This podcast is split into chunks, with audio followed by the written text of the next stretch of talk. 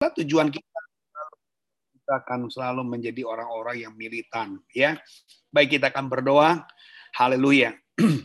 Terima kasih Bapak dalam surga, Bapak yang menjadi kekasih bagi jiwa kami. Puji syukur Tuhan kalau hari ini kami masih diberi terus kesempatan demi kesempatan. Kami percaya semua bukan karena kuat dan gagah kami, tetapi semua karena pimpinan dan penyertaan Tuhan dalam hati kami dan hidup kami. Percaya kalau kasih-Mu Tuhan yang terus melimpah-limpah, membawa kami dalam uh, kemenangan, lepas kemenangan, dan membawa kami juga dalam penuh dengan sukacita. Terima kasih Tuhan buat malam ini kiranya kami terus diperlengkapi oleh kasih dan kuasamu. Dalam nama Yesus kami berdoa. Haleluya. Haleluya. Amin. Puji Tuhan. Baik saudara-saudara, kita akan masuk bagian yang kelima saat ini. Jadi kalau saudara kemarin sudah sempat berbicara bagaimana mengenai karunia-karunia kudus ya. Pertama kita sudah membahas bagaimana Roh Kudus itu hadir dan dia mendiami, memenuhi, bahkan mendampingi saudara dan saya, bahkan dia juga menjadi pribadi yang selalu uh, membawa kita berperan ya.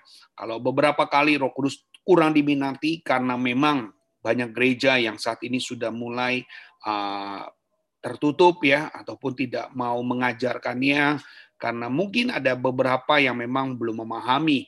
Tapi saya percaya terus-menerus akan selalu diperlengkapi saudara. Sembilan karunia, ada karunia berkata dengan hikmat, kemarin sudah kita bahas.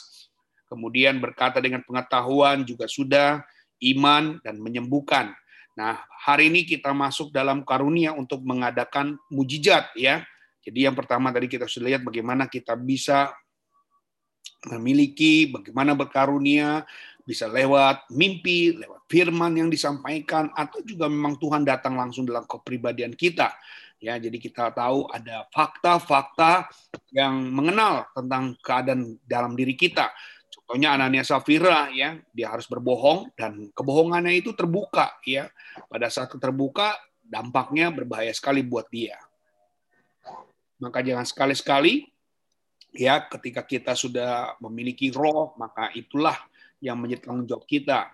Nah, saluran iman kita bisa dari pendengaran firman, iman bisa dari karena doa yang dia tertuntun dengan sungguh-sungguh, iman datang dari Allah secara langsung, dan iman datangnya dari ujian. Jadi jangan pernah uh, saudara-saudara menghentikan atau minta kepada Tuhan untuk tidak ada uh, masalah. Justru dari masalah-masalah itulah kita dihidupkan, dari masalah-masalah itulah kita uh, mengenal. Nah, dari mana datangnya Eh, penyakit-penyakit dari mana ya biasanya kita sudah lihat bahwa kesembuhan itu bisa karena penyakit-penyakitnya dari kuasa kegelapan ya dari karena rohani yang kurang lekat dengan Tuhan kurang intim kemudian karena fisik ya karena emosi atau juga karena mental ya bagaimana kita lihat penyakit yang terjadi pada Nebukadnezar raja yang hebat ya.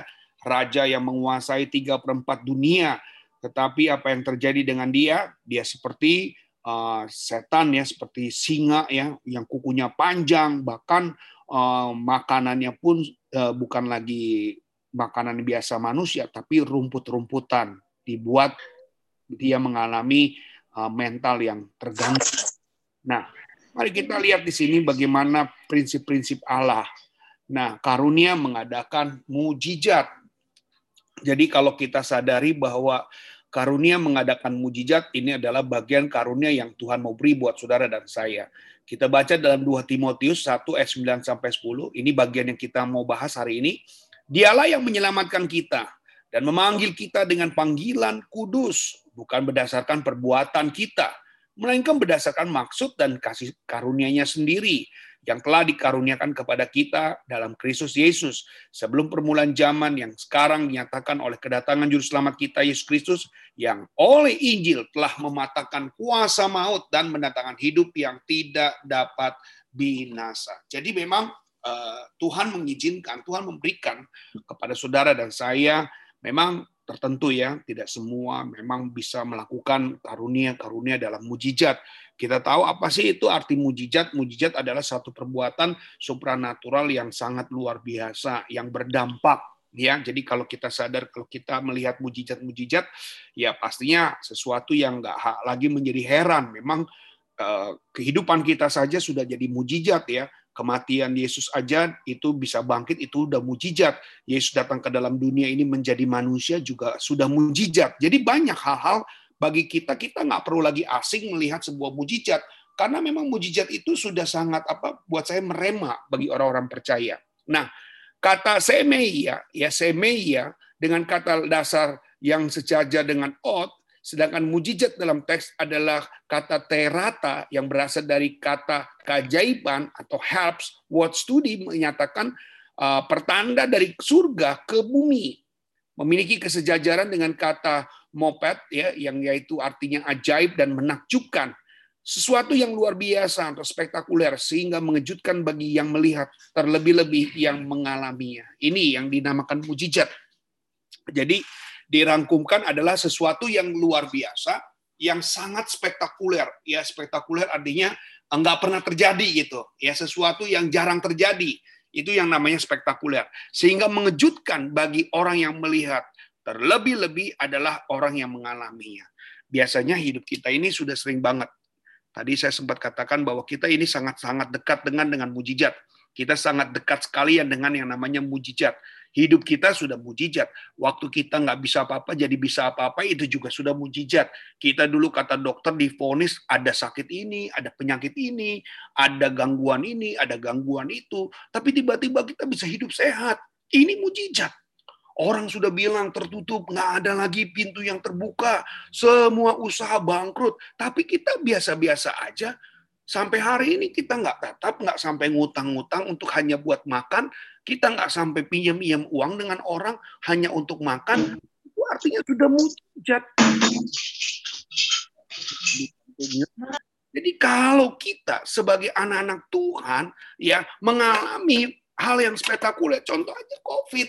COVID-19 ini dari tahun 2020 sampai sekarang 2021, hampir mau dua tahun sebenarnya saudara berjalan 15 bulan ini dan saudara biasa-biasa saja. Saya katakan mujizat.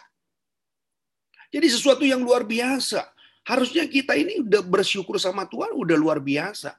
Jadi jangan lagi berpikir bahwa mujizat itu adalah harus melihat mata kita yang buta melihat, yang lumpuh berjalan. Ada kadang mujizat kesehatan Tuhan bisa izinkan juga terjadi. Tetapi ketika saudara bisa melewati COVID dan ketika saudara orang lain dipecat dan saudara tidak dipecat, saudara masih bisa bekerja, orang lain kehilangan pekerjaan, bunuh diri dan saudara kehilangan pekerjaan tetap bersuka cita. Orang lain di sana sudah stres tentang pekerjaan-pekerjaan dan saudara tetap masih bisa katakan God is good all the time, all the time God is good. Ya, ini ada sesuatu mujizat. Jadi jangan lagi berpikir bahwa mujizat itu bukan lagi milik orang-orang Kristen yang percaya, murid-murid Tuhan yang ada di GSJ Cendrawasi. Pak, Bu, kita sudah mengalami bahkan dekat sekali yang namanya mujizat dalam hidup kita. Gereja kita dibangun hanya waktu dalam lima bulan. Beberapa kali saya katakan bangun rumah lima bulan, nggak mungkin. Kalau itu bisa terjadi dan saudara benar-benar saksi hidup bagi GSJ Cendrawasi, saudara bisa katakan kalau kami punya gereja adalah gereja mujizat. Jadi betul-betul. Maka kenapa saya sering membangga-banggakan? Karena saya melihat di sini juga dikatakan sesuatu yang luar biasa, spektakuler, sehingga mengejutkan bagi yang melihat. Terlebih-lebih yang mengalaminya. Saya mengalami Saudara kita nggak babak bulur, nggak punya yang namanya tim tim teamwork yang hanya yang untuk mencari dana. Tanya, siapa yang di GSJ Cendrawasih saya ajak untuk jadi teamwork cari dana? Bikin dana, minta sumbangan sana sini. Nggak ada satupun. Tidak ada, tanya. Kenapa kok bisa tercukupi? Dan itu nggak sedikit, hampir MM-an loh. Kenapa kok bisa? Lagi-lagi saya katakan ini mujizat. Siapa yang saya ajak untuk jadi teamwork, untuk cari dana, bikin dinner, tujuannya pernah ada, tapi tidak terlaksana. Maka saya katakan, mungkin itu adalah bagian Tuhan juga mau kasih lihat sama saudara dan saya, membuktikan bahwa tanpa engkau bekerja, aku bisa bikin sesuatu loh. Dan Tuhan mau buktikan.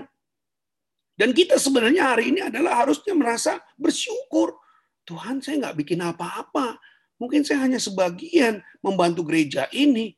Tapi kalau hari ini bisa seperti ini dan itu, ini mujizat. Mari kita lekatkan diri kita dengan pandangan tentang mujizat. Tanda dan mujizat dalam gereja mula-mula dilakukan oleh seluruh para rasul. Mereka diberikan dikaruniakan untuk melakukan hal itu, sedangkan orang percaya tekun dalam bersatu dalam persekutuan dan mendengar pengajaran para rasul. Rasul-rasul mendapat karunia melakukan mujizat. Apakah karunia kerasulan sampai saat ini disertai dengan mujizat? Ya, biasanya harus. Bagaimana kalau saudara lihat ya sampai Rasul aja nggak makan, hidupnya berkekurangan, dan keluarganya berantakan. Wah, Siapa yang mau mengikuti Tuhan? Siapa yang mau ikut Tuhan kalau lihat pengajar-pengajarnya juga hidupnya susah, menderita? Dia bilang apa? Lihat tuh, dia mau ngajarin kita hidup sukses. Dia sendiri aja nggak sukses. Kita diajarin sama dia untuk hidup uh, berkelimpahan. Dia aja utang Saudara bisa-bisa nggak mengikuti kalau Pak Yoel tiba-tiba menjadi hamba Tuhan yang hidupnya berkekurangan, sedangkan di khotbah di mimbar saya selalu bercerita tentang diberkati, diberkati, diberkati. Tapi saudara lihat saya ngutang di mana-mana, ya banyak masalah dengan ekonomi, anaknya nggak pada sekolah karena nggak bayaran uang sekolah, kemudian berantakan, keuangannya semua menjadi masalah. Lalu di mimbar saya bilang diberkati, diberkati. Saudara mungkin mencemooh saya Nggak mungkin saudara mau mengikuti orang yang gagal dalam mempraktekkan firman. Dan Tuhan kita bukanlah Allah yang suka dipermalukan dan mempermalukan. Lagi-lagi, Tuhan Allah kita bukanlah Allah yang suka mempermalukan dan dipermalukan. Tidak mungkin. Roma 10 ayat 11 bilang apa? Orang percaya tidak akan dipermalukan. Jadi kalau hamba Tuhan tadi saya katakan dia bisa berkhotbah begitu hebat di tentang berkat-berkat Tuhan hidup dalam berkelimpahan tetapi hidupnya tidak menjadi nyata untuk berkelimpahan, ada salah di dalam pribadi dia. Jadi salah satu mujizat Tuhan terhambat itu karena pribadinya.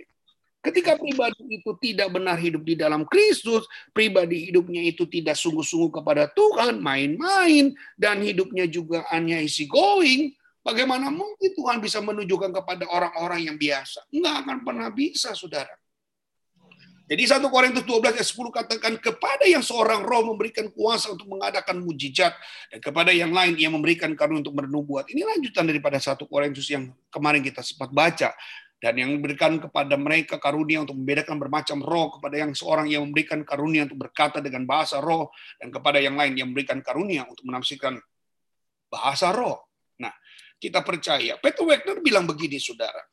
Mendefinisikan karunia mujizat sebagai kemampuan istimewa yang diberikan oleh Allah. Jadi lagi-lagi ya, itu bukan kuasa karena hebat kita. Jadi jangan pernah merasa bahwa kita adalah orang yang hebat, orang yang uh, yang sudah uh, luar biasa bisa bikin bisa bikin itu karena saudara tidak. Tapi kemampuan istimewa yang diberikan Allah. Jadi bukan kemampuan istimewa karena skill, karena kehebatan, atau dipelajari. Mujizat itu bukanlah sesuatu pelajaran yang bisa dipelajari. Satu pelajaran yang bisa dihafal. Tidak. Datangnya tetap dari Allah. Jadi artinya siapa pun bisa nggak? Bisa. Siapa pun yang biasa-biasa juga bisa dong. Bisa. Saudara akan melihat.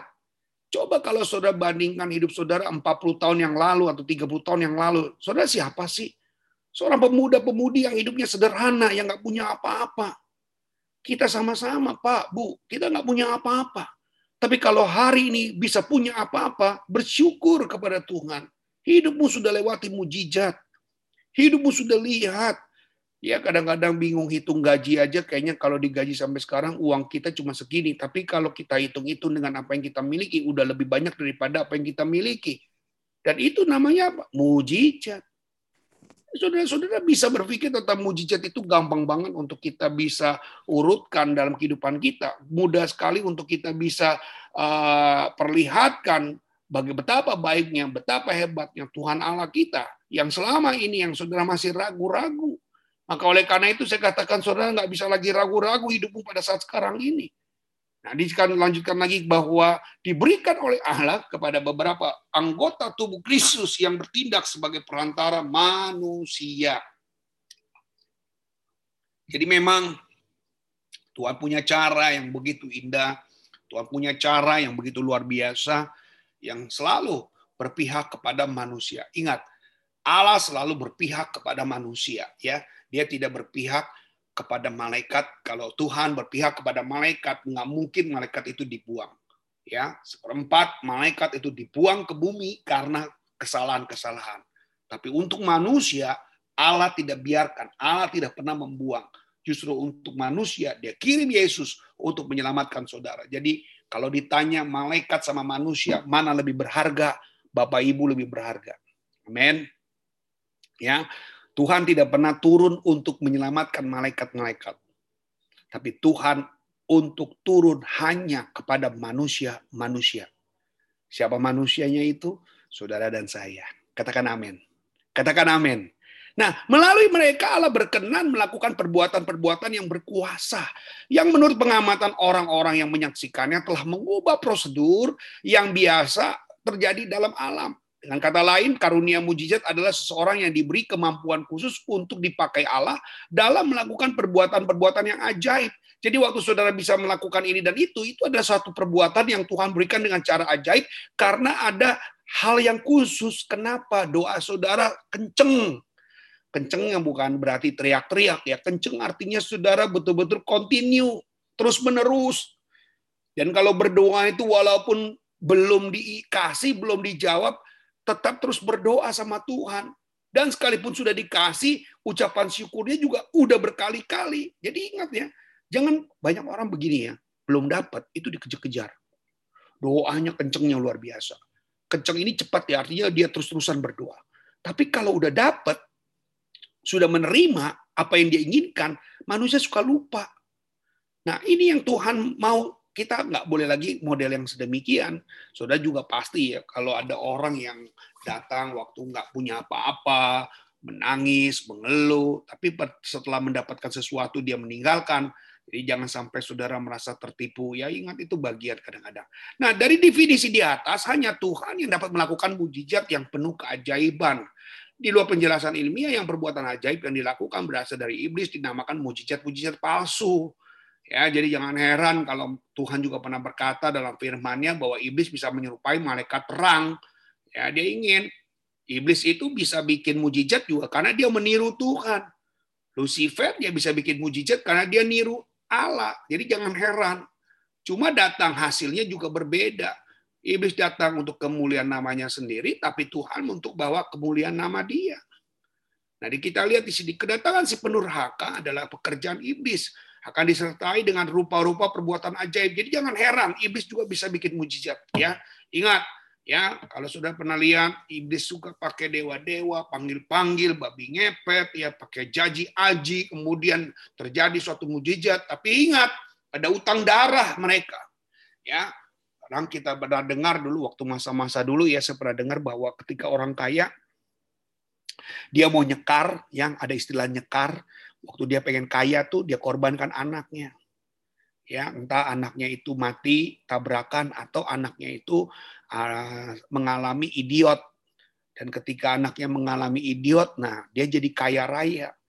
Makanya ada beberapa kadang nih ya, ya nggak semua, nggak tahu sekarang ini masih berlaku atau tidak. Ada anak-anaknya yang mengalami eh, cacat mental ya, tapi dia kaya raya, misalnya seperti itu.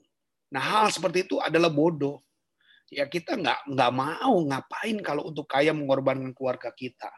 Menikmatinya saja rasanya udah nggak enak. Dan Tuhan kita nggak mau kayak gitu. Dia mau memberi tanpa pamrih, itu Tuhan kita.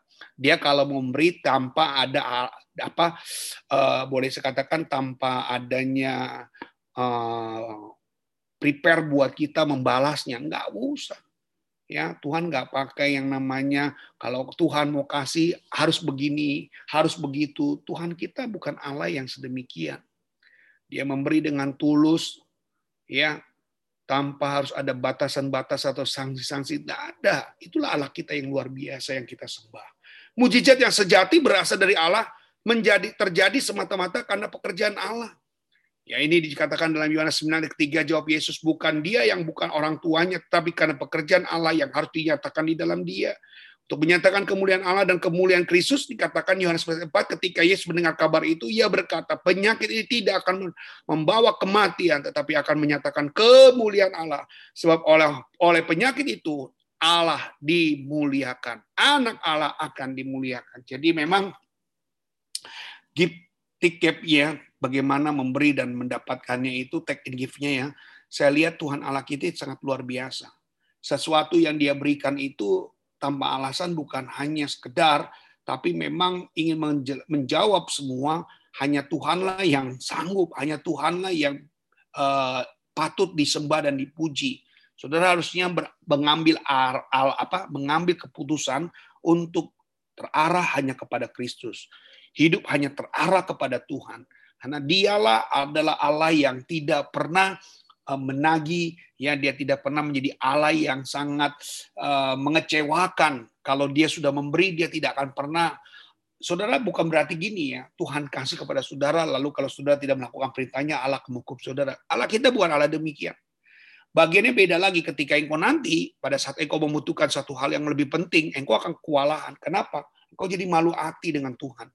Karena engkau dulu waktu sudah ditolong, engkau lupa sama Tuhan. Maka hari ini ingat, kalau hidupmu banyak yang sudah ditolong Tuhan, hidupmu banyak yang sudah diberkati Tuhan, hidupmu banyak yang sudah dijawab doa-doanya oleh Tuhan, jangan pernah tinggalkan Tuhan, jangan pernah engkau lupakan Tuhan, jangan pernah engkau uh, mungkin menjauh dengan Tuhan. Ingat, saudara, hidup ini singkat. Apa rasanya kalau saudara pernah ditolong oleh Tuhan dalam hidupmu, lalu engkau ghosting Tuhan, ya ada istilah kata ghosting ghosting Tuhan, tinggalkan Tuhan dan menganggap Tuhan tidak penting, menganggap Tuhan itu jauh dalam hidupmu. Hati-hati, Pak, Bu. Ya, mari kita baca di sini. Mujizat adalah sesuatu yang terjadi di luar apa yang bisa dijangkau dengan pikiran manusia. Yang dipercayai sebagai suatu hal supranatural yang berasal dari Tuhan. Jadi lagi-lagi, jangan menganggap, jangan mengambil keuntungan, dan jangan mencuri keuntungan dari Tuhan. Menyatakan kalau mujizat itu karena engkau hebat, karena engkau luar biasa, karena engkau gembala sidang, hati-hati. Ya, kalau engkau mulai mencuri kemuliaan Allah, habislah hidupmu selesai. Ya, sekali lagi, kalau kamu mencuri kemuliaan Allah, selesai hidupmu. Semua orang Kristen yang percaya ada mujizat yang dilakukan Tuhan. Jadi nggak mungkin kalau saudara hari ini nggak pernah merasakan mujizat. Jadi saya mau mendekatkan kata mujizat ini yang terjadi dalam hidup kita sehari-hari. Waktu Anda dari orang yang nggak percaya menjadi percaya aja, itu udah mujizat. Karena ada orang bilang gini, gue bingung, tuh orang kok bisa bertobat ya. Yang gue tahu tuh dia hidupnya kacau banget. Yang gue tahu hidupnya itu brengsek banget. Yang gue tahu begini-gini, bla bla bla bla. Tapi ketika dia bertobat dan dia menerima Yesus dan dia percaya kepada Yesus, saya boleh katakan itu mujizat. Ya, Waktu saudara bertemu dengan orang, wah dia nggak mungkin bisa percaya sama Tuhan, nggak mungkin. Tetapi ketika dia percaya sama Tuhan, itu udah mujizat. Jadi mujizat itu dekat sekali dengan orang yang percaya. Walaupun sering adanya perbedaan pengertian tentang detailnya. Ingat saudara, bagian saudara bukan menjadi penghakim. Ingat, kita tidak boleh menjadi menghakimi karena bagian itu adalah bagiannya Tuhan. Amin. Ya, jangan suka menghakimi. Sudah jangan merasa, ah nggak mungkin, ah begini. Hati-hati ya. Di antara dua posisi ekstrim, ada orang Kristen yang percaya dan mengharap mujizat bisa terjadi kapan saja dalam setiap segi kehidupan manusia dan ada yang percaya bahwa mujizat hanya terjadi secara unik pada pada zaman sebelum Alkitab tertulis. Memang dalam hidup di dunia ini manusia sering mengalami saat-saat di mana kemampuannya tidak lagi untuk memecahkan persoalan yang dihadapi. Untuk mereka yang beriman adalah normal jika mereka berseru meminta tolong kepada Tuhan. Seringkali jika hal yang diharapkan itu datang, orang menerimanya sebagai mujizat Tuhan yang mengabulkan doa-doa bagi mereka orang lain. Mujizat belum tentu datang langsung dari Tuhan, karena ia bisa bekerja dalam segala sesuatu mendatangkan kebaikan bagi orang percaya. Jadi bisa saja Tuhan bisa pakai orang, bisa saja Tuhan bisa pakai pendeta, bisa saja Tuhan pakai bagi orang yang nggak percaya sama Tuhan. Betul. Saya mengalami saudara, waktu saya masuk penjara yang kedua, ya itu kesulitan banget luar biasa. Sulit luar biasa saya untuk keluar. Karena banyak tantangan-tantangan dan halangan-halangan. Waktu saya mau minta tolong ini dan itu semua seperti pintu ya tertutup. Tapi tiba-tiba ya seorang ketua walubi ya ketua walubi bayangkan ketua dari pemimpin agama Buddha Siti Harta Timur Daya tiba-tiba membantu saya untuk menolong saya. Jadi Tuhan bisa pakai mujizat lewat orang lain yang nggak percaya sama Yesus. Jadi jangan heran. Bisa saja dari musuh-musuh kita, lawan-lawan kita, orang yang tidak suka dengan kita. Bisa saja dia mendatangkan mujizat buat saudara. Ya, berapa banyak saudara suka melihat ini. Dia udah beli tiket pesawat nih, udah siap berangkat jam 5 pagi. Berangkat pesawatnya take off dia jam 5 pagi. Tiba-tiba dia cuma kelewat 5 menit. Kelewat lima menit dia datang. Tiba-tiba pintu pesawat sudah ditutup. Gak bisa, udah boarding. Dia sudah dipanggil berkali-kali tapi tidak hadir. Maka apa yang terjadi, saudara? Satu jam kemudian kapal itu berangkat, terjadi tiba-tiba apa? Dikabarkan kapal itu jatuh. Waduh, saudara. Lihat mujizat bisa terjadi dari apa orang-orang yang sedang menderita. Bisa saja puji terjadi. Tapi saudara jangan bilang begini, puji Tuhan, gue nggak di kapal itu. Puji Tuhan, gue nggak mati. Hati-hati. Jangan sampai saudara menemukan syak orang lain, saudara bersyukur dengan ada yang luka, ada yang berduka cita. Tapi itu pengalaman saudara sendiri saja yang saudara ceritakan. Artinya sudah bisa bilang terima kasih ya Tuhan ya, saya sudah dapat mujizat. Tapi saudara nggak urus menjadi jumawa, cita-cita sama orang. Untung gua nggak mati, untung. Ya bukan seperti itu. Ya, ingat ya, dalam membalas kebaikan Tuhan jangan sampai menimbulkan kebencian orang lain. Di satu sisi memang Tuhan baik telah menyelamatkan diri kita, tapi di satu sisi orang lain sedang berduka cita karena ada keluarganya yang di dalam kapal itu yang mengalami kecelakaan dan meninggal. Jadi kita ingat di posisi mana yang harus kita per, uh, per, perlihatkan pada saat itu. Nah, sering kali jika hal yang diharapkan itu datang, orang menerimanya sebagai mujizat. Mujizat belum tentu datang langsung dari Tuhan. Tadi saya sudah katakan, Tuhan yang maha kasih dan maha kuasa bisa memakai apa pun di dunia ini untuk menolong umatnya. Khusus buat saudara, lihat dia cari cara. Maka saya katakan lagi, waktu malaikat berbuat dosa, Tuhan nggak mengirimkan pengampunan tuh langsung hukuman, ya kan dibuang ke bumi langsung. Tapi untuk manusia, dia turunkan manusia, eh, dia turunkan anak manusia, Yesus namanya untuk menyelamatkan saudara. Jadi sangat berartikah kita? Sangat. Sangat beruntung nggak kita? Beruntung. Sangat luar biasa nggak kita? Luar biasa. Itu dia Tuhan kita. Nah kita tahu sekarang bahwa Allah itu bekerja. Ini Roma 8:28. Segala sesuatu yang mendatangkan kebaikan bagi mereka yang mengasihi dia. Itu bagi mereka yang terpanggil sesuai dengan rencana Allah. Mereka yang mengharapkan mujizat langsung dari Tuhan sering kali menekankan pentingnya iman yang teguh. Malahan ada orang yang percaya jika ada yang meminta tidak terjadi disebabkan oleh karena kelemahan imannya. Padahal Yesus mengajarkan kita untuk berdoa agar bukan kehendak kita yang terjadi, tapi kehendaknya. Yesus juga mengajarkan bahwa ukuran iman tidak menentukan apa yang akan terjadi. Jadi bukan karena kurang beriman, saudara, dengar baik, tapi memang Tuhan punya cara yang segala sesuatunya tidak kita bisa mengerti. Kadang tak diduga-duga bisa datang mujizat. Kadang ya ada sesuatu yang memang harus kita alami. Sesuatu yang harus kita uh, hadapi. Misalnya sakit penyakit, ya Memang kan Tuhan bilang, ini bukan karena kesalahan orang tuamu, bukan kesalahan karena dirimu, tapi lewat apa yang kau alami, nama Tuhan dipermuliakan. Kita ingat lagi ayat yang tadi, ya bahwasanya Tuhan izinkan semua terjadi. Memang ada kemurahan kemuliaan Tuhan yang terjadi dalam diri kita supaya lewat hidup kita orang di luar sana melihat jadi percaya sama Tuhan. Jadi kita adalah bagian untuk membuat orang percaya. Bisa saja hal itu terjadi. Penyakit kita bisa menjadi iman bagi orang lain. Ya, saudara jangan merasa kalau kita dijadikan uh, contoh bagi Tuhan, kenapa nggak bangga? Bangga, saudara, senang, saudara. Walaupun itu nggak hal yang baik, tetapi Tuhan mau lo peduli dengan kita. Tuhan mau pakai kita menjadi alatnya. Waktu saya mengantarkan anak saya menjadi pemain figuran dalam uh, suatu sinetron, saya lupa sinetron, bidadari lah, pokoknya bidadari mau ke mana lah gitu. ya Waktu saya nganterin dari jam pagi, jam 5 pagi, pernah satu ketika istri saya yang antar ke puncak, saudara bisa bayangkan, waduh, itu cuma bayarnya 75 ribu atau 150 ribu per orang. Tapi dengan semangatnya, itu film pakal mungkin ditampilkannya anak saya cuma dalam waktu 30 menit. Nggak, eh 30 menit. Tiga, tiga, 30 detik, saudara. Mungkin ditampilnya cuma 30 detik atau satu menit. Tetapi sudah tahu nunggunya dari jam 5 pagi itu sampai sore, saudara tapi seneng banget. Itu film ditonton, saudara, dari awal. Dua jam, ya atau satu jam setengah ditonton, saudara. Walaupun keluarnya cuma dalam waktu hanya 30 detik. Jadi untuk jadi apa namanya sih kalau orang jadi film itu figuran ya hanya jadi figuran aja sedangnya bukan main coba kalau saudara ya dipakai sebagai pemain sinetron Ikatan Cireng. Eh, Ikatan Cireng, Ikatan Cinta. Coba Cireng lagi. Saudara dipakai jadi uh, satu figuran pemain Ikatan Cinta. Oh, bangganya bukan main, Saudara. Bangga. Bohong kalau saudara nggak bangga.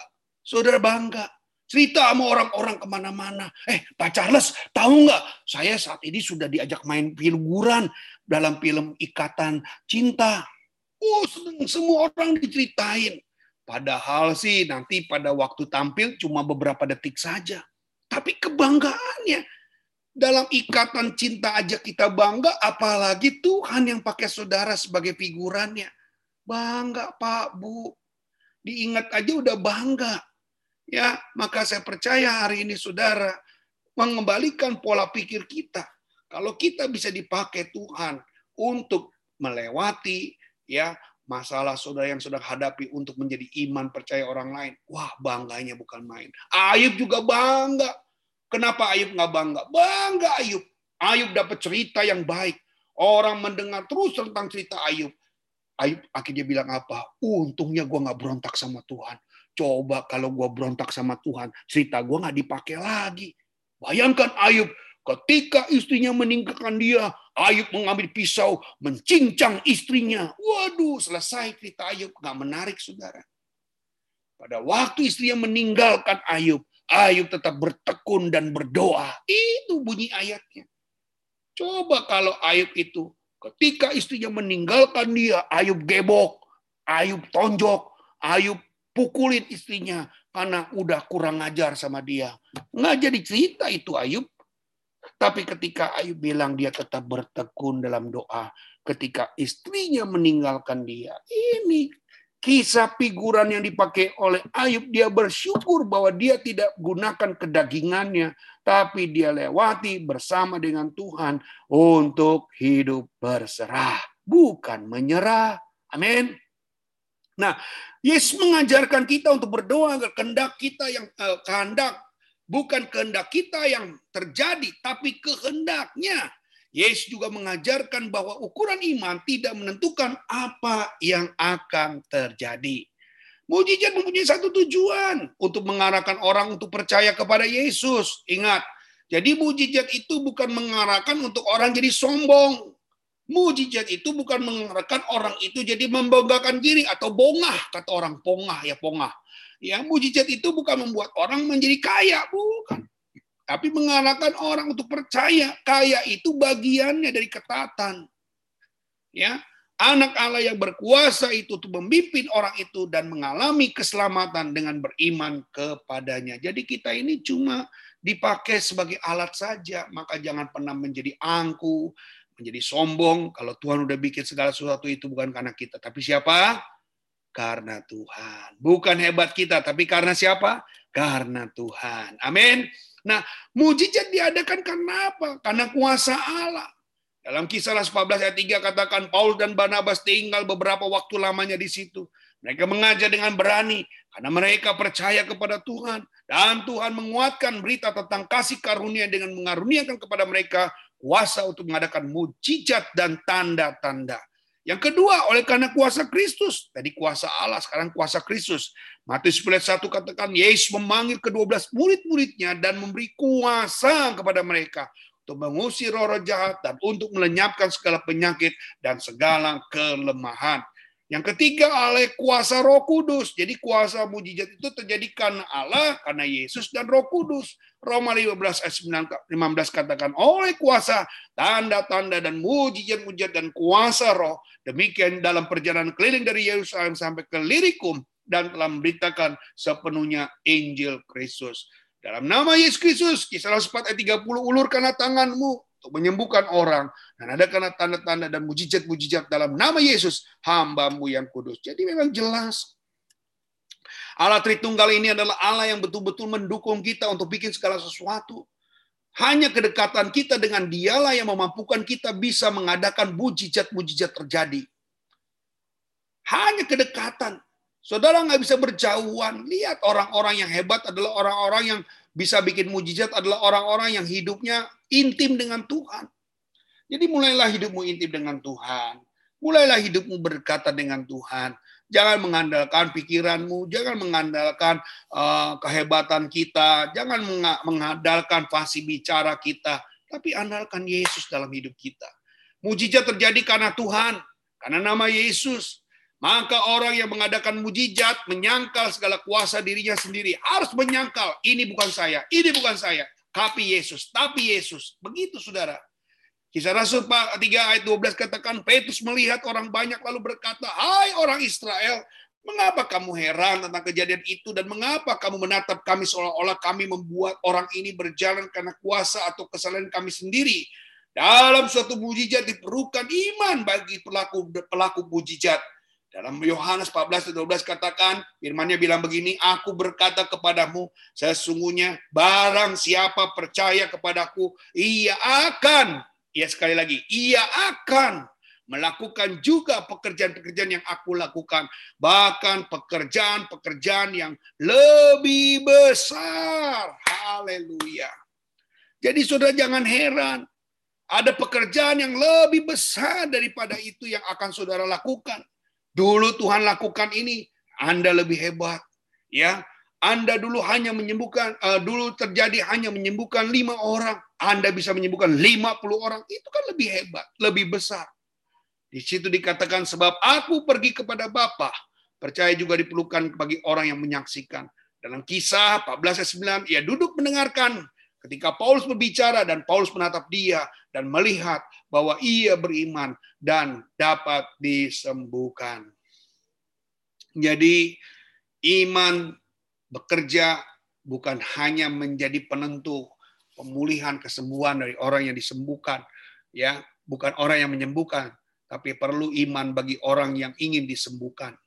Jadi saudara-saudara keduanya saling bergantungan. Yang satu ingat kalau mujizat terjadi bukan hebatmu, tapi karena Tuhan dan engkau yang pengen sembuh berdoa beriman kepada Tuhan terus dan berimannya juga bisa dua.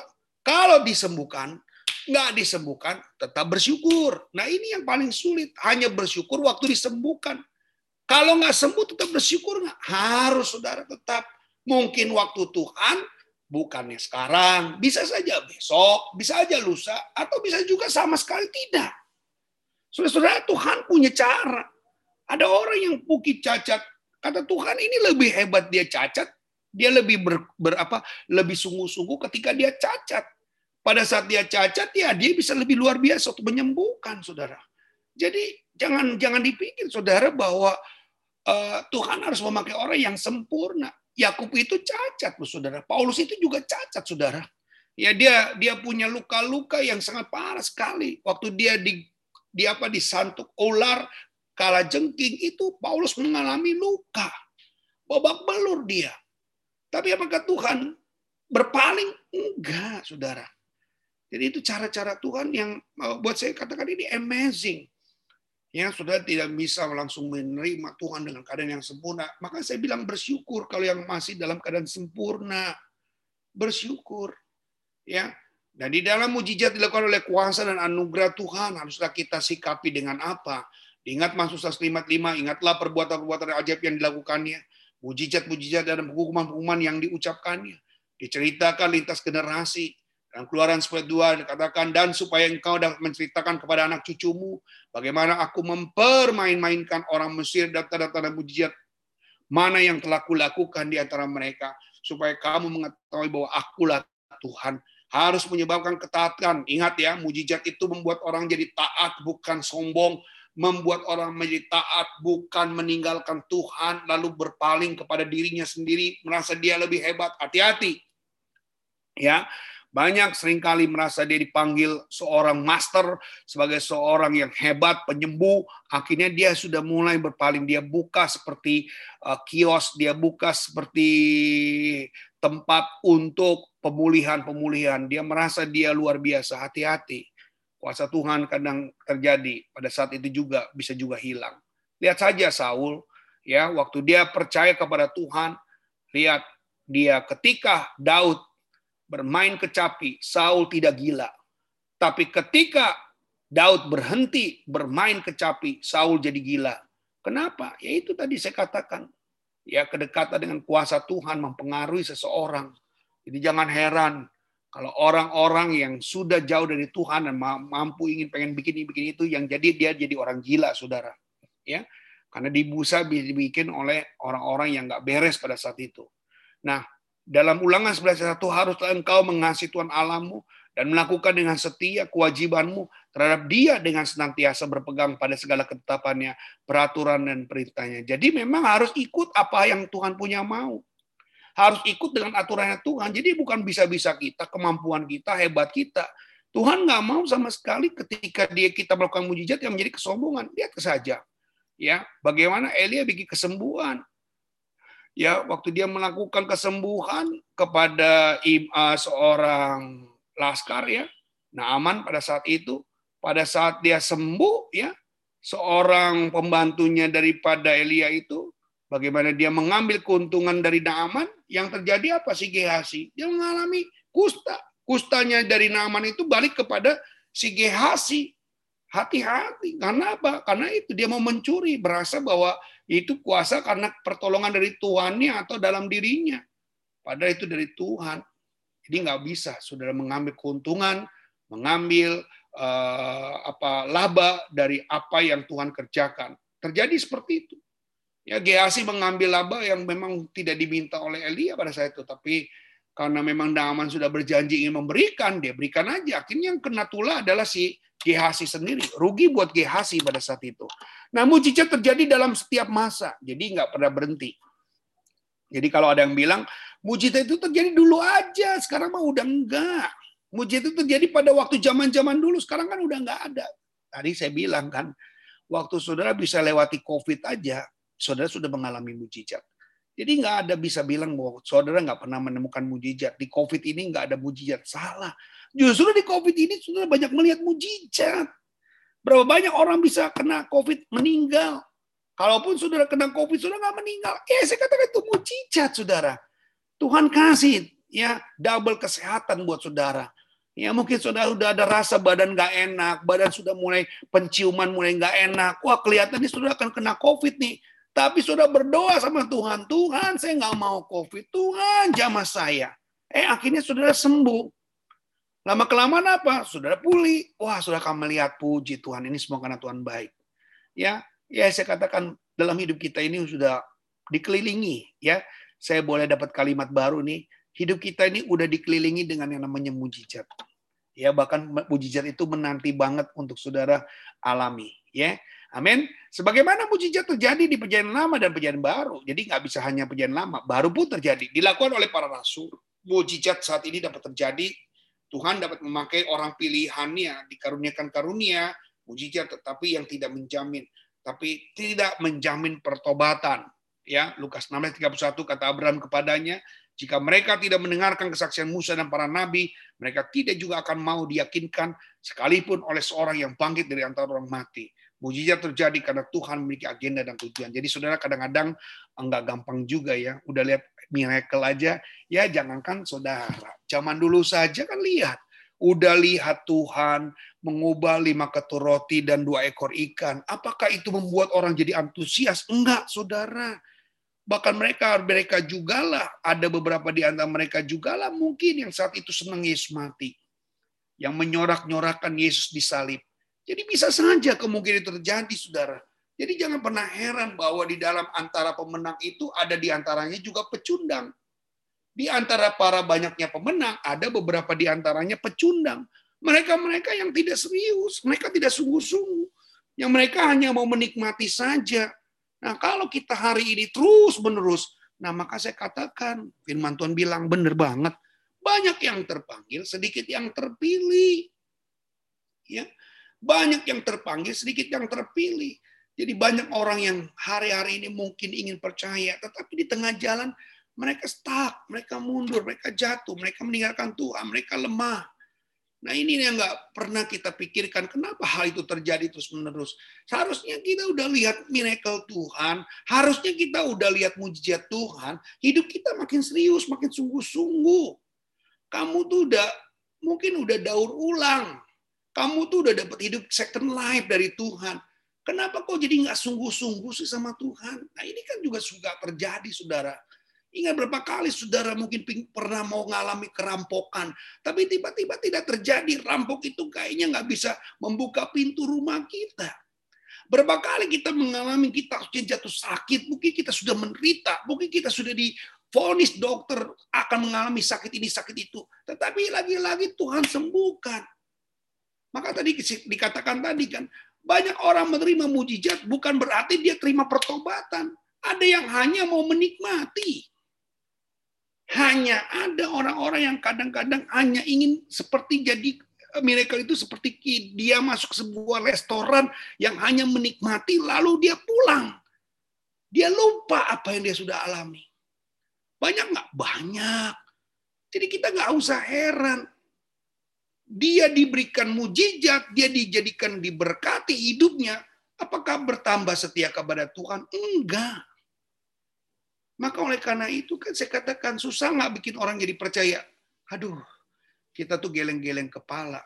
Kalau orang sudah benar-benar ditolong Tuhan, diberkati Tuhan, masuk ICU, udah mungkin sudah sudah parah hidupnya, tiba-tiba ada second life Tuhan. Bukan berarti dia sungguh-sungguh sama Tuhan, loh, saudara. Bukan berarti dia makin setia sama Tuhan. Bisa saja dia makin males. Makin nggak setia sama Tuhan. Maka oleh karena itu, lagi-lagi, Pak, Bu, bukan berarti orang yang mengalami mujizat dia akan bertambah setia. Bisa saja dia malah jadi kurang setia. Dan atau juga tidak jadi setia lagi. Jadi jangan heran ya, kalau saudara bisa bilang, aduh gue sih nggak mau kayak gitu, bagus. Oh gue mah nggak bakal kayak gitu, puji Tuhan.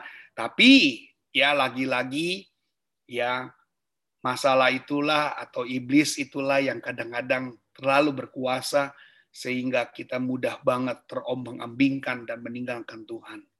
Ya, saya percaya yang ikut Juminar hari ini dia sudah mulai terbuka bahwa bukan basa-basi ikut pelajaran hari ini benar-benar membuka kita. Jadi bukan berarti mujizat itu membawa orang dalam pertobatan. Bisa saja mereka tidak bertobat, bahkan menjauh dengan Tuhan. Dia pernah tolong Tuhan? Pernah. Dan Tuhan ambil alih? Apa Tuhan batalin? Enggak, Tuhan nggak bisa kayak gitu, saudara. Tuhan nggak pernah mau batalin.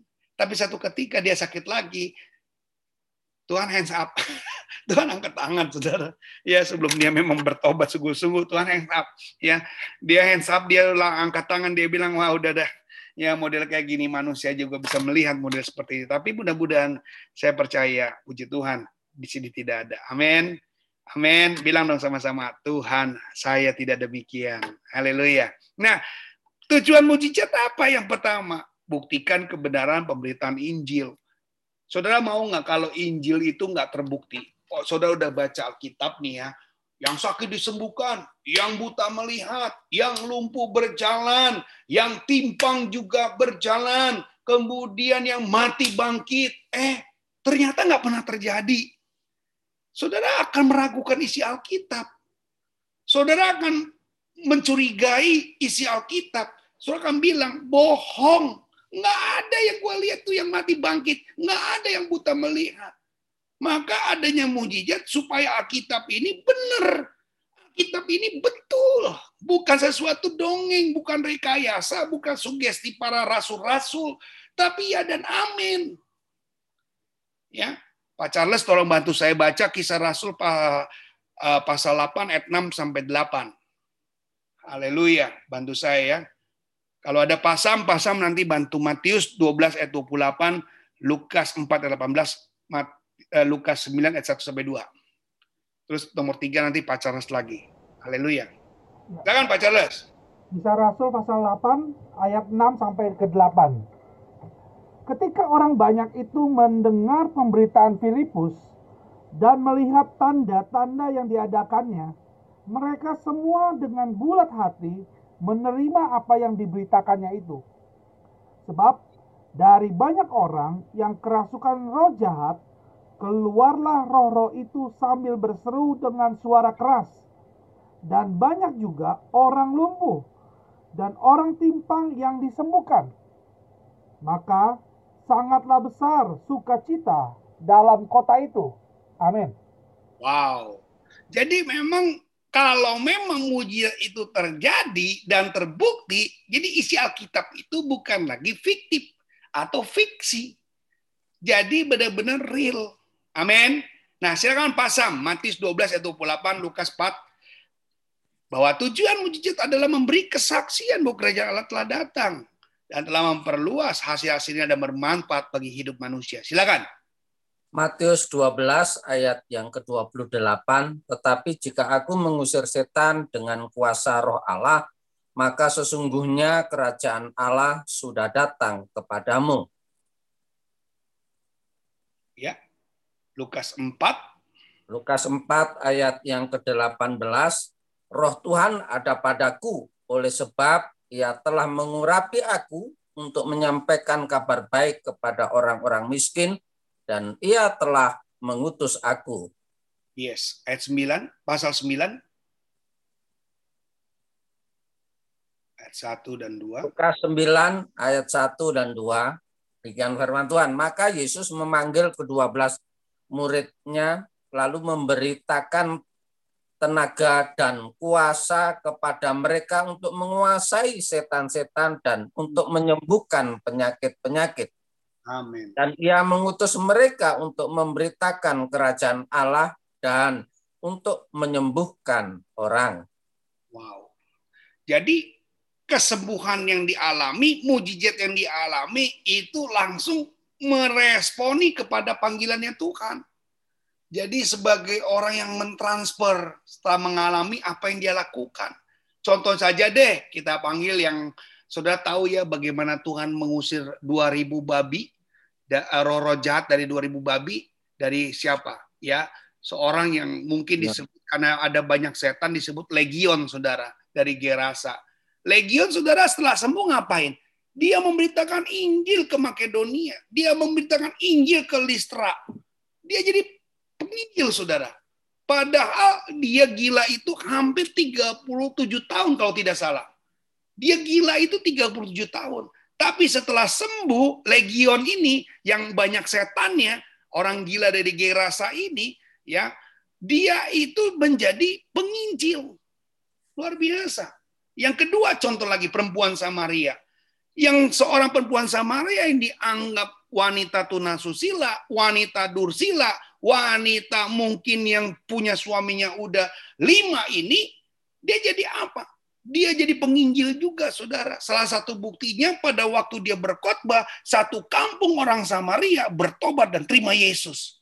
Wah, jadi saudara lihat, ada dampaknya, ada transfer roh yang melayani, ada transfer roh yang bisa bikin mujizat. Jadi kalau saudara memang senang banget sih kalau baca Alkitab, ya, saudara yang belajar Alkitab sehingga saudara udah tahu TikToknya ke mana dan saudara ngerti. Nah ini yang paling paling enak untuk jadi anak-anak Tuhan yang sungguh-sungguh saudara. Jadi saudara nggak ragu lagi dengan isi firman. Pak Charles tolong, yang ketiga. Ya, Matius pasal 14 ayat 14. Mm -mm. Ketika Yesus mendarat, ia melihat orang banyak yang besar jumlahnya, maka tergeraklah hatinya oleh belas kasihan kepada mereka, dan ia menyembuhkan mereka yang sakit. Amin. 20? 20 ayat 30 sampai 34. Ya. Ada dua orang buta yang duduk di pinggir jalan, mendengar bahwa Yesus lewat.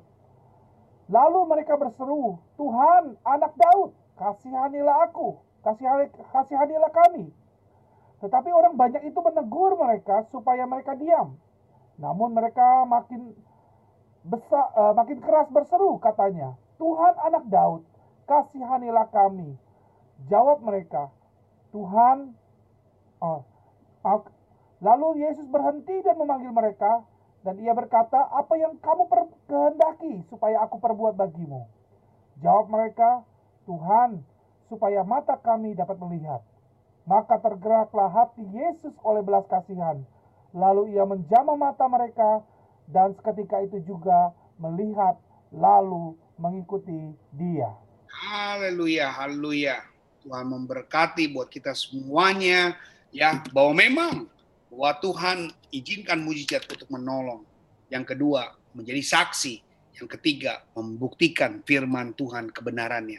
Jadi ada beberapa hal yang saudara tahu Selain itu juga untuk menyatakan kehendak dan kedaulatan kekuasaan kemuliaan Tuhan. Seperti tadi, waktu Tuhan menyembuhkan orang yang buta, dia bukan karena dosanya, bukan karena orang tuanya, tapi lewat apa yang terjadi, kemuliaan Tuhan ingin dinyatakan.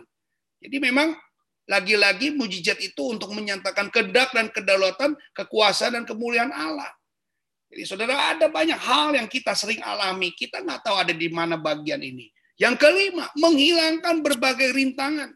Ya, nanti saya minta Pasam bisa bantu baca ayatnya dan mem, apa, menghilangkan berbagai rintangan dan hambatan dalam pelayanan. Butuh mujizat.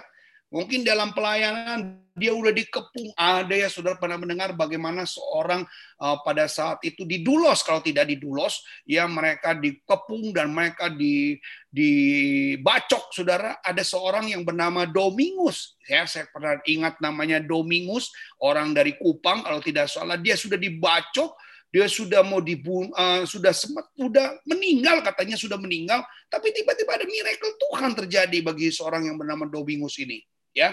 Besok kalau Senin depan saya sempat saya kasih filmnya hanya 10 menit. Saudara dengar kesaksian bagaimana dia diselamatkan pada waktu penyerangan.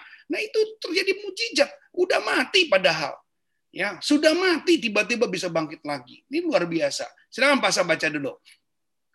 Matius 8 ayat yang ke-15 maka dipegangnya tangan perempuan itu lalu lenyaplah demamnya ia pun bangunlah dan melayani dia. Oke. Nah, jadi betul-betul bahwa apa yang Tuhan lakukan itu miracle. Rintangan, hambatan terjadi dan Tuhan bikin skala mujizat. Yang keenam adalah untuk memuliakan Allah. Saudara Charles bisa bantu baca Matius 9 ayat ke-8. Bagaimana Tuhan dipermuliakan ketika mujizat terjadi. Kalau saudara lihat kan, bagaimana waktu Tuhan menyembuhkan ketika empat orang membuka atap, ya, menurunkan orang yang sakit pada saat itu, lihat orang dia bilang ini betul-betul anak Allah. Eh luar biasa kan? Silakan. Ya, Matius pasal 9 ayat yang ke-8, maka orang banyak yang melihat hal itu takut lalu memuliakan Allah yang telah memberikan kuasa sedemikian itu kepada manusia. Jadi betul-betul kalau saudara lihat orang yang memuliakan Allah adalah orang-orang yang kadang-kadang berkaitan sekali dengan mujizat demi mujizat. Ya, berapa banyak orang pada waktu itu saya ingat benar ya pendeta Daud apa ya saya lupa dia. Dia dari GSJA saudara ya. Pada saat itu dia naik kapal Tampomas dan saat itu Tuhan sembuhkan. Siapa les pendeta? Siapa les? Saya lupa. Dan Tuhan pakai dia. Pada waktu dia naik kapal Tampomas tiba-tiba Tuhan selamatkan dia. Kapal itu terbakar saudara. Dan Tuhan bisa siapa ya misionaris misionaris Ya, misionaris dari Indonesia. Dia betul-betul Tuhan zaman dia. Dia dapat pertolongan Tuhan, Saudara. Ya, kapal Tampomas itu udah hampir ratusan orang yang meninggal. Tapi dia salah satu pendeta yang Tuhan selamatkan. Dia sering khotbah dulu di GSJ Cendrawasih. Tuhan tolong dia. Ya, dan dia selamat dan banyak kisah-kisah dia diceritakan ke mana dan terus terang ada banyak orang yang akhirnya bertobat. Ya, jadi itulah kemujizat. Yang kedelapan adalah menguatkan keyakinan, oh, menuntun oh, manusia agar berpaling dari berhala kepada Allah. Jadi perlu saudara. Ya bagaimana mujizat itu membuktikan sama kan pada waktu keluarga obat Edom. Dia lihat awalnya tapi perjanjian Tuhan di daerah-daerah yang lain itu berhala-berhala pada jatuh berjatuhan saudara. Tapi ketika ditaruh di obat Edom, mereka diberkati. Nah ini kan juga keluarga-keluarga yang percaya yang nggak percaya jadi percaya lihat miracle Tuhan. Nah, yang kedelapan menguatkan keyakinan kepercayaan orang percaya. Yang kesembilan menyatakan belas kasihan dan kepedulian Allah kepada manusia telah memberkati umatnya. Yang ke sepuluh menyatakan tindakan pemeliharaan Tuhan yang terus-menerus secara kontinuitas, ya kontinu dilakukan oleh Tuhan dan mengendalikan, melindungi, memelihara, mengatur segala sesuatu. Sama kehidupan kita kayak di COVID hari ini. Yang ke sebelas mujizat harus memimpin orang yang beriman dan menyelamatkannya. Jadi betul-betul saudara, jadi ini yang Tuhan mau. Ya, bahwa iman yang benar adalah iman yang benar kepada Yesus. Banyak orang mengalami mujizat, namun belum tentu secara personal dia mengalami perjumpaan dengan anak Allah. Memang betul. Ya, banyak orang perjumpaan dengan Tuhan lewat apa? Belajar lagi dia. Ya kan maka firman Tuhan ingat ya. Jadikan semua bangsa muridku. Baptislah mereka dalam nama Bapa Putra dan Roh Kudus dan ajarlah mereka. Jadi supaya nggak salah jalan diajarin saudara. Seperti saudara dan saya. Ya, jadikan semua bangsa muridku, udah jadi murid. Baptislah mereka, udah dibaptis. Yang ketiga, ajar. Supaya apa? Saudara beda ya. Orang yang belajar dengan orang yang tidak belajar pasti beda, saudara. Ya, pemain uh, bulu tangkis yang biasa dengan pemain bulu tangkis yang latihan itu pasti beda walaupun sama-sama jago main bulu tangkis ya bisa main bulu tangkis tapi beda yang biasa main bulu tangkis habis main 2 3 game dia ngos-ngosan tapi kenapa kalau pemain bulu tangkis yang latihan yang sekolah dia bisa bertahan dalam satu minggu dia bisa tanding lima kali kenapa karena napasnya udah terlatih kita yang nggak terlatih beda Saudara jago main sepeda, bisa naik sepeda, tapi bisa nggak balap sepeda? Nggak bisa. Padahal sama-sama sepeda. Nah itulah yang mempengaruhi yang belajar dengan yang belajar. Maka Tuhan selalu kita harus berjumpa dengan Allah yang mulai kita belajar. Orang sudah berkali-kali mengalami mujizat dipampangkan di hadapannya, tapi tidak sampai kepada pengenalan kepada Tuhan. Jadi bisa saja, ya banyak yang melihat mujizat tapi belum tentu menjadi percaya. Janganlah kita menjadi demikian, saudara ya Yesus melakukan mujizat, tapi Yesus tidak menginginkan ia dikenal hanya sebagai orang yang menjadi miracle worker, yang hanya menjadi pekerja mujizat. Lebih daripada itu, mujizat bukan untuk membuat dia menjadi tontonan. Identitas dia sebagai Allah yang mengontrol, mengatur, berkuasa atas alam semesta. Yang paling penting kita mengenal siapa dia. Amin. Mujizat menurut Alkitab menjadi nyata dapat diminta dalam doa yang sungguh-sungguh tulus kepada Tuhan Fokus dalam doa bukan mujizat, tetapi Tuhan sumber mujizatnya. Mujizat terjadi harus diikuti dengan pertobatan dan tindakan mengasihi Tuhan agar tidak mendatangkan dosa akan eh, saat penghakiman kelak. Yohanes 15 12 24 katakan sekiranya aku tidak melakukan pekerjaan di tengah-tengah mereka seperti yang tidak pernah dilakukan orang lain, mereka tentu tidak berdosa. Tapi sekarang walaupun mereka telah melihat semuanya itu, namun mereka membenci baik aku maupun Bapakku. Mujizat terjadi pada Tuhan mengendaki. Mujizat bukan diatur oleh para rasul yang memiliki karunia mujizat, tetapi oleh Tuhan. Mujizat terjadi jika Tuhan menghendaki. Nah, ini yang paling penting Mujizat terjadi ya jika Tuhan menghendaki. Mujizat bukan diatur oleh para rasul yang memiliki karunia mujizat, tetapi oleh Tuhan. Yesus melakukan banyak mujizat, menolak melakukan mujizat juga atas permintaan iblis. Ya, ya ini cerita waktu Tuhan uh, sedang diuji coba, ya suruh jatuh ke bumi semuanya ya, suruh menyembah kepada Dia. Nah, saya lanjutkan. Mujizat terjadi karena Tuhan setuju dengan mengadakan mujizat. Contohnya, walaupun pada waktu Tuhan disuruh mengubah air menjadi anggur, Yesus pernah katakan, "Ibu, waktuku belum." Ya, waktuku belum. Tetapi Tuhan benar-benar waktu itu nggak tahu memang luar biasanya si Maria pada saat itu. Ya, dia walaupun dia sudah katakan, "Ibu, waktuku belum tiba," tapi Maria yakin bahwa Yesus bisa melakukan. Terjadilah juga mujizat air di kana itu. Banyak orang ingin melihat mujizat tapi mungkin tidak memperhatikan. Memperlihatkan oleh Tuhan. Tetapi mujizat terbesar yang Yesus lakukan, ah, Yunus diberikan bagi semua orang percaya. Bahwa Yesus adalah juru selamat dunia. Orang Yahudi menghendaki tanda dan orang Yunani. Ini bukan tanda yaitu tanda Yunus ya tapi tanda Yesus ya saya salah ketik di sini mencari hikmat ya sembilan fakta nubuatan dari Alkitab. Biarlah Tuhan membuat kita satu hal yang luar biasa untuk kita semuanya. Amin. Nah, biarlah kasih Tuhan akan selalu membimbing saudara dan saya dan kuasa Tuhan juga menyertai buat saudara dan kita semuanya. Saudara diberkati hari ini, katakan amin. Haleluya. Ya, kita menikmati terus dalam seminar kita. Wah, luar biasa ya hari ini kita banyak pengalaman, banyak mengalami cinta kasih Tuhan yang luar biasa. Adakah pertanyaan Bapak Ibu yang mau ditanyakan malam hari ini? Puji Tuhan.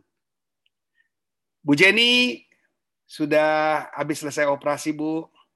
Tuhan tolong ya, Bu. Puji Tuhan. Haleluya. Ada Bapak Ibu yang mau bertanya? Saya lihat tidak ada chat nih. Semua diam-diam saja. Ini udah mengerti atau sangat mengerti nih? Udah sangat mengerti ya. Puji Tuhan. Tapi kita jadi memahami Pak Bu tentang mujizat ini.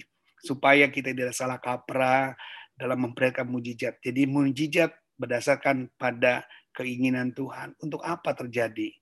Ya, jangan sampai saudara ribut untuk mujizat, tapi kalau mujizat itu akhirnya tidak membuat saudara makin dekat dengan Tuhan, jadi Tuhan udah selidiki dulu. Ya, untuk apa nih orang disembuhkan? Buat saudara secara pribadi, dia kalau nggak sembuh sangat merepotkan saya nih, karena saya harus jagain dia. Tapi Tuhan lihat juga, ada apa kalau dia dikasih mujizat, dia mau bikin apa? Ya Tuhan bilang udah cukup waktunya. Kadang-kadang kita berdoa pengen pengen mujizat, pengen mujizat terjadi, si A sembuh, si B sembuh. Tapi kenapa nggak sembuh-sembuh? Karena udah tahu ending akhir tuh Tuhan udah tahu. Kan Tuhan udah bilang, rancanganku bukan rancanganmu, jalanku bukan jalanmu, tapi rancangan Tuhan bukan rancangan kecelakaan, tapi hari depan yang penuh pengharapan. Jadi Tuhan udah jauh ke depan, dia sudah tahu apa yang akan dia lakukan. Ya, jadi itu kan indah dalam rencanamu yang seperti itu, saudara. Amin. Sudah diberkati semuanya? Haleluya. Baik kita akan, kalau sudah semua memahami, kita akan tutup dalam doa. Nanti Bu Uni bisa berdoa untuk kita semuanya. Selamat malam semuanya. Mari kita berdoa. Bapak dalam kerajaan surga, Terima kasih Tuhan, pada malam hari ini kembali kami boleh belajar, kami boleh mengenal Tuhan segala karunia dan mujizat yang sudah Engkau berikan di dalam kehidupan kami. Kami sangat bersyukur Tuhan bahwa janjimu Tuhan, bahwa apa yang kami alami Tuhan, kami boleh dikelilingi oleh mujizatmu dan kami percaya itu Tuhan. Engkau tidak pernah berhenti terus Tuhan menjamah hidup kami, terus uh, menolong kami Tuhan. Mujizatmu tidak pernah berhenti sampai di sini, tapi kami percaya Tuhan ketika kami melekat, ketika kami bersandar, ketika kami menyerahkan hidup kami sepenuhnya kepada Engkau, mujizat itu akan ada selama kami hidup. Terima kasih Bapak dalam kerajaan surga uh, untuk hambamu yang sudah menyampaikan kebenaran firman-Mu, yang sudah mengajar kami. Terus Tuhan tambahkan hikmat kepada beliau Tuhan, sehingga apa pun yang uh, beliau ajarkan Tuhan itu boleh terus Tuhan kami ingat dan kami boleh belajar untuk kebenaran firman-Mu. Dan berkati juga setiap jemaat yang setia Tuhan untuk belajar kebenaran firman-Mu Tuhan. Terus Tuhan Engkau bukakan hati, pikiran, serta Kau berikan juga hikmat akal budi, sehingga kami semua boleh mengerti dan semakin mengenal Tuhan kebenaran firman-Mu Bapa dan ketika kami mengenal firman-Mu Tuhan, kami boleh Eh, menjadi terang. Tuhan kami boleh uh, terus Tuhan menjalani apa yang kau kehendaki dalam kehidupan kami sehingga kami boleh melakukan apa yang menjadi rencanamu di dalam kehidupan setiap kami. Terima kasih Bapa dalam kerajaan surga. Mari Tuhan engkau memberkati setiap jemaatmu di GSDA Cendrawasi. Terima kasih Bapa dalam kerajaan surga. Kami serahkan semuanya ke dalam tanganmu. Di dalam nama Tuhan Yesus kami sudah berdoa dan mengucap syukur. Haleluya. Amin